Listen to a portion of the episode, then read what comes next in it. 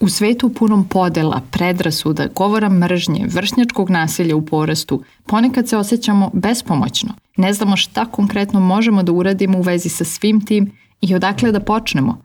Odgovor je od empatije. Dobrodošli u Radosno roditeljstvo. Ja sam Ana, a ovo je podcast u kome pričamo o svim temama vezanim za roditeljstvo i koji vam nudi ideje i inspiraciju kako biste pronašli još više radosti u roditeljstvu i uživali u svojoj deci. Mišljenja koje iznosim u podcastu baziraju se na naučnim istraživanjima iz oblasti psihologije i dečijeg razvoja, a pre svega na primerima iz stvarnog života i mom ličnom iskustvu sa mojom decom. Hvala što ste tu.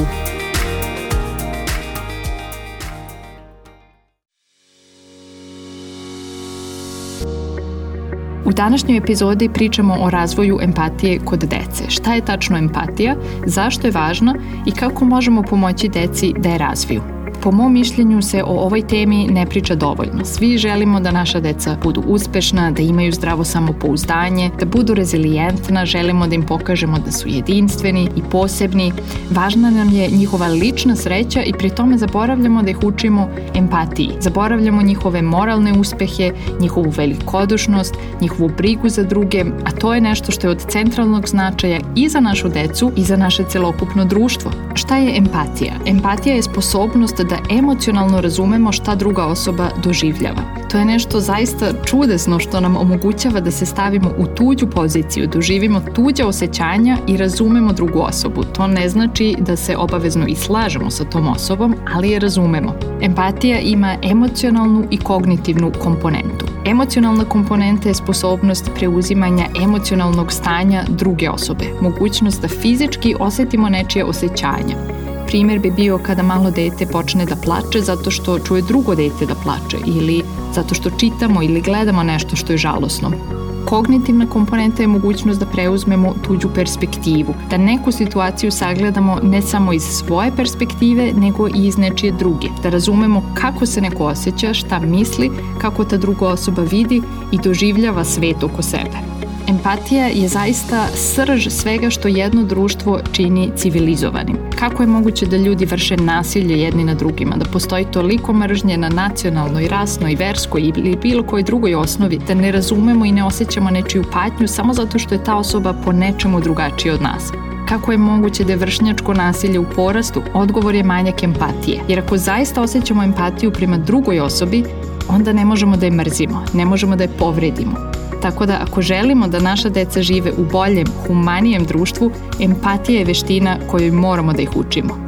Pored toga, postoji puno istraživanja o tome kako empatija utiče na našu decu. Empatija igra iznenađujuću ulogu u predviđanju dečijeg uspeha i psihofizičkog zdravlja. Empatična deca imaju kvalitetnije odnose sa drugim ljudima, akademski su uspešnija, zadovoljnija, rezilijentnija, otpornija na izazovne situacije. Empatija promoviše saradnju, ljubaznost, smanjuje predrasude i upotrebu nasilja i poboljšava kritičko razmišljanje. Empatija je to što decu čini boljim ljudima.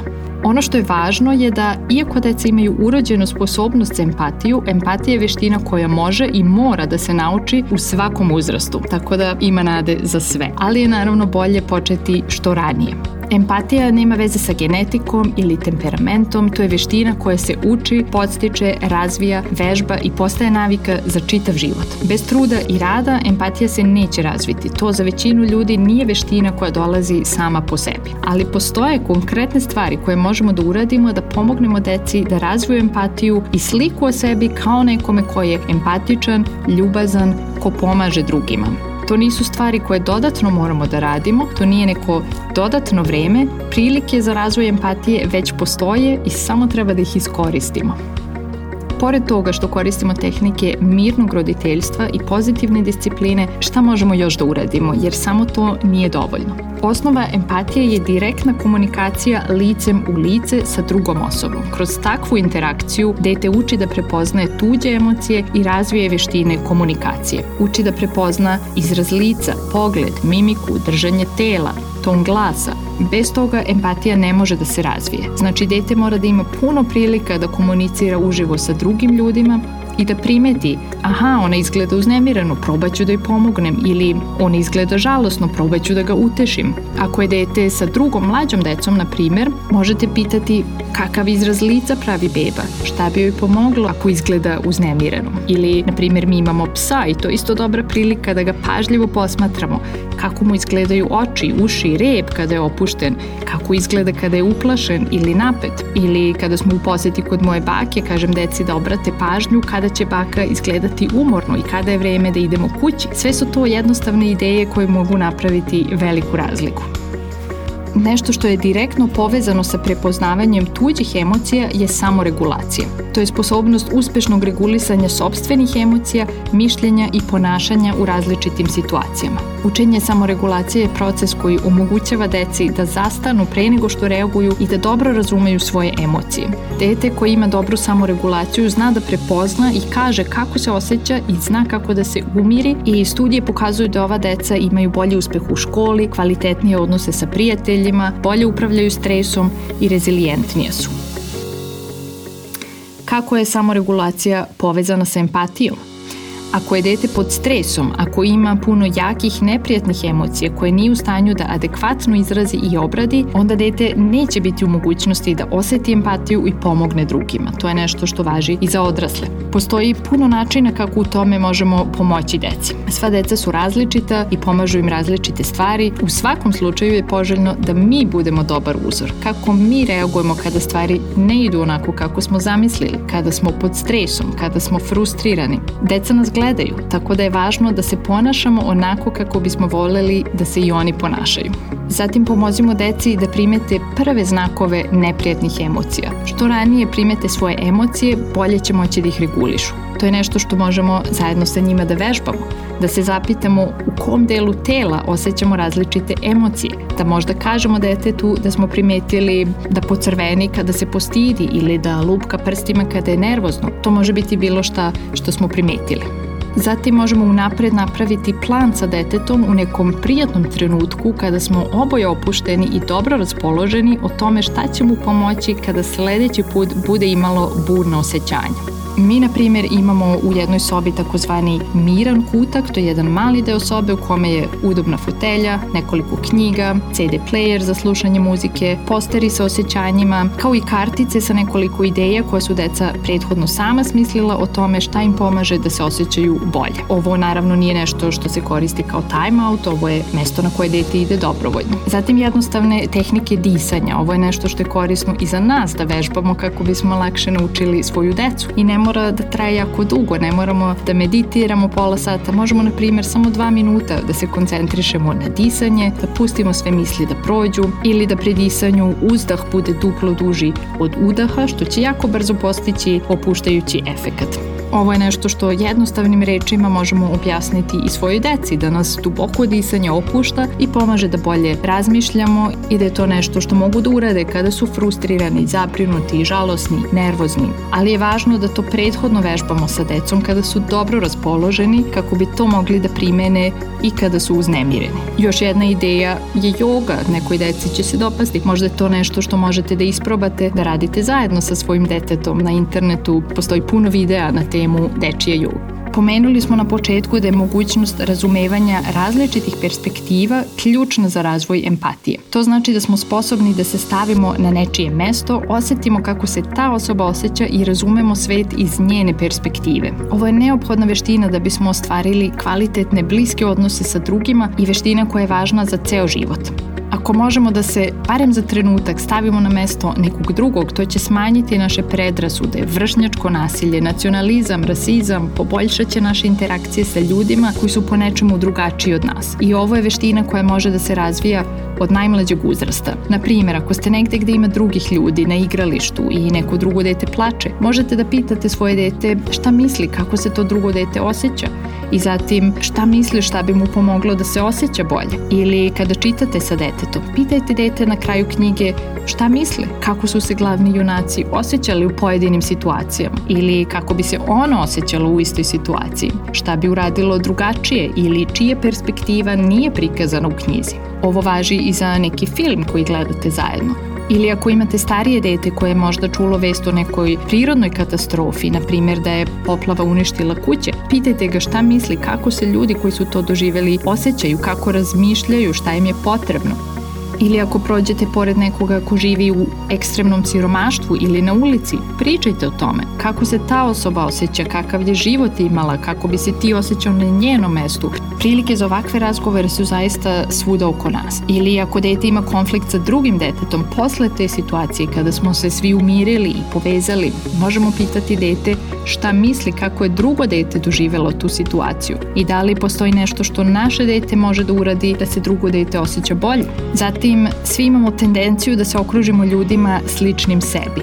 Tako da koliko je to moguće, probajte da proširite svoj društveni krug i da deca dođu u kontakt sa ljudima različitih uzrasta, izgleda, jezika, vera, porekla, uverenja i prenesite detetu poreku da iako neko drugačije izgleda ili govori malo drugačije od nas, šta god, i on ili ona apsolutno imaju iste misli, osjećanja i potrebe kao i mi. I naravno preispitajmo sebe, koje predrasude mi imamo, kako pričamo o ljudima koji se po nečemu razlikuju od nas. Da li smo skloni osuđivanju? Da li nam teško pada da razumemo nekoga ko donosi drugačije izbore, ima drugačije shvatanje od nas? U svojoj knjizi Unselfie Michelle Borba piše o važnosti razvoja moralnog identiteta kod dece. Ako želimo da naša deca budu empatična, ona moraju samu sebe da vide kao brižne, ljubazne i pažljive i naš posao je da im u tome pomognemo, kako bi to postalo deo njihovog karaktera. Jedna od mogućnosti je da obratimo pažnju na to kako hvalimo dete i da pohvalu formulišemo tako da govori o karakteru našeg deteta. Na primjer, ako dete nešto nekome pomogne, možemo da kažemo ti si ljubazna i voliš da pomažeš ili ti voliš životinje i brižan si ili ti si pažljiv, Takva pohvala pomaže detetu da to postane deo njegovog identiteta i delotvornije je od, na primer, to je bilo ljubazno od tebe.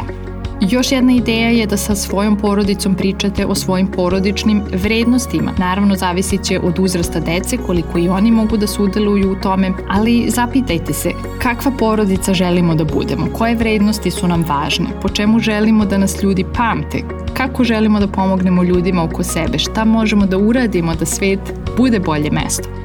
Neki od primjera su ljubaznost, empatija, hrabrost, velikodušnost, zahvalnost, integritet, miroljubivost, poštovanje i slično. Što su vaše vrednosti jasnije, to je deci lakše da ih usvoje. Spominjite ove vrednosti u prikladnom kontekstu, ako te vrednosti stoje iza neke vaše odluke, objasnite to detetu. Na primer, ne možemo da gledamo taj film jer je nasilan, a naša porodica je protiv nasilja. Ili u našoj porodici se trudimo da budemo ljubazni i ne koristimo takve reči.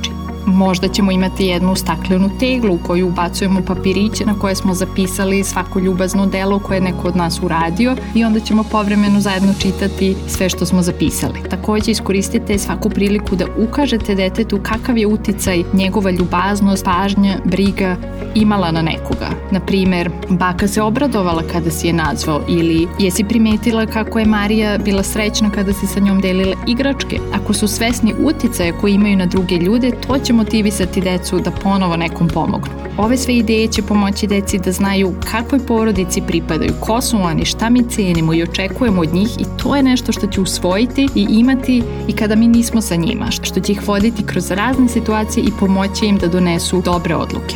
Još jedan savet, pružite deci priliku za konkretna dobra dela. Studije pokazuju da kada deca imaju mogućnost da pomažu, postaju spremni da pomognu, jer se pri tome dobro osjećaju. To mogu biti i jednostavne stvari. Možda imate negde mesto za jednu kutiju koju deca povremeno mogu da ostave igračke koje bi želeli da doniraju ili predložite da deo džeparca daju u dobrotvorne svrhe koje su njima važne ili nađete mogućnost da dete nekome pomogne, možda može da prošeta nečijeg psa ili ode umesto nekoga u prodavnicu ili podučava neko mlađe dete ili se angažuje pri nekoj lokalnoj organizaciji. Pričajte o tome sa svojim detetom, šta bi ga interesovalo, kome želi da pomogne.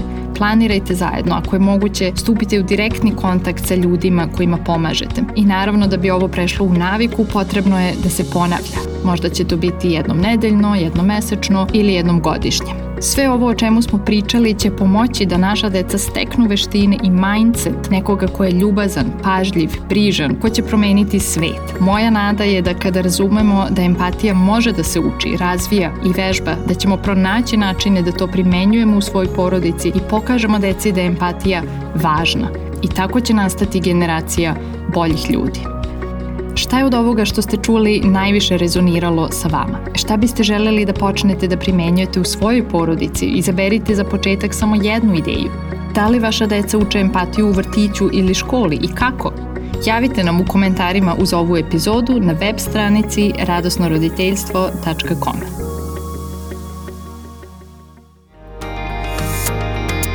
Hvala što ste slušali Radosno roditeljstvo.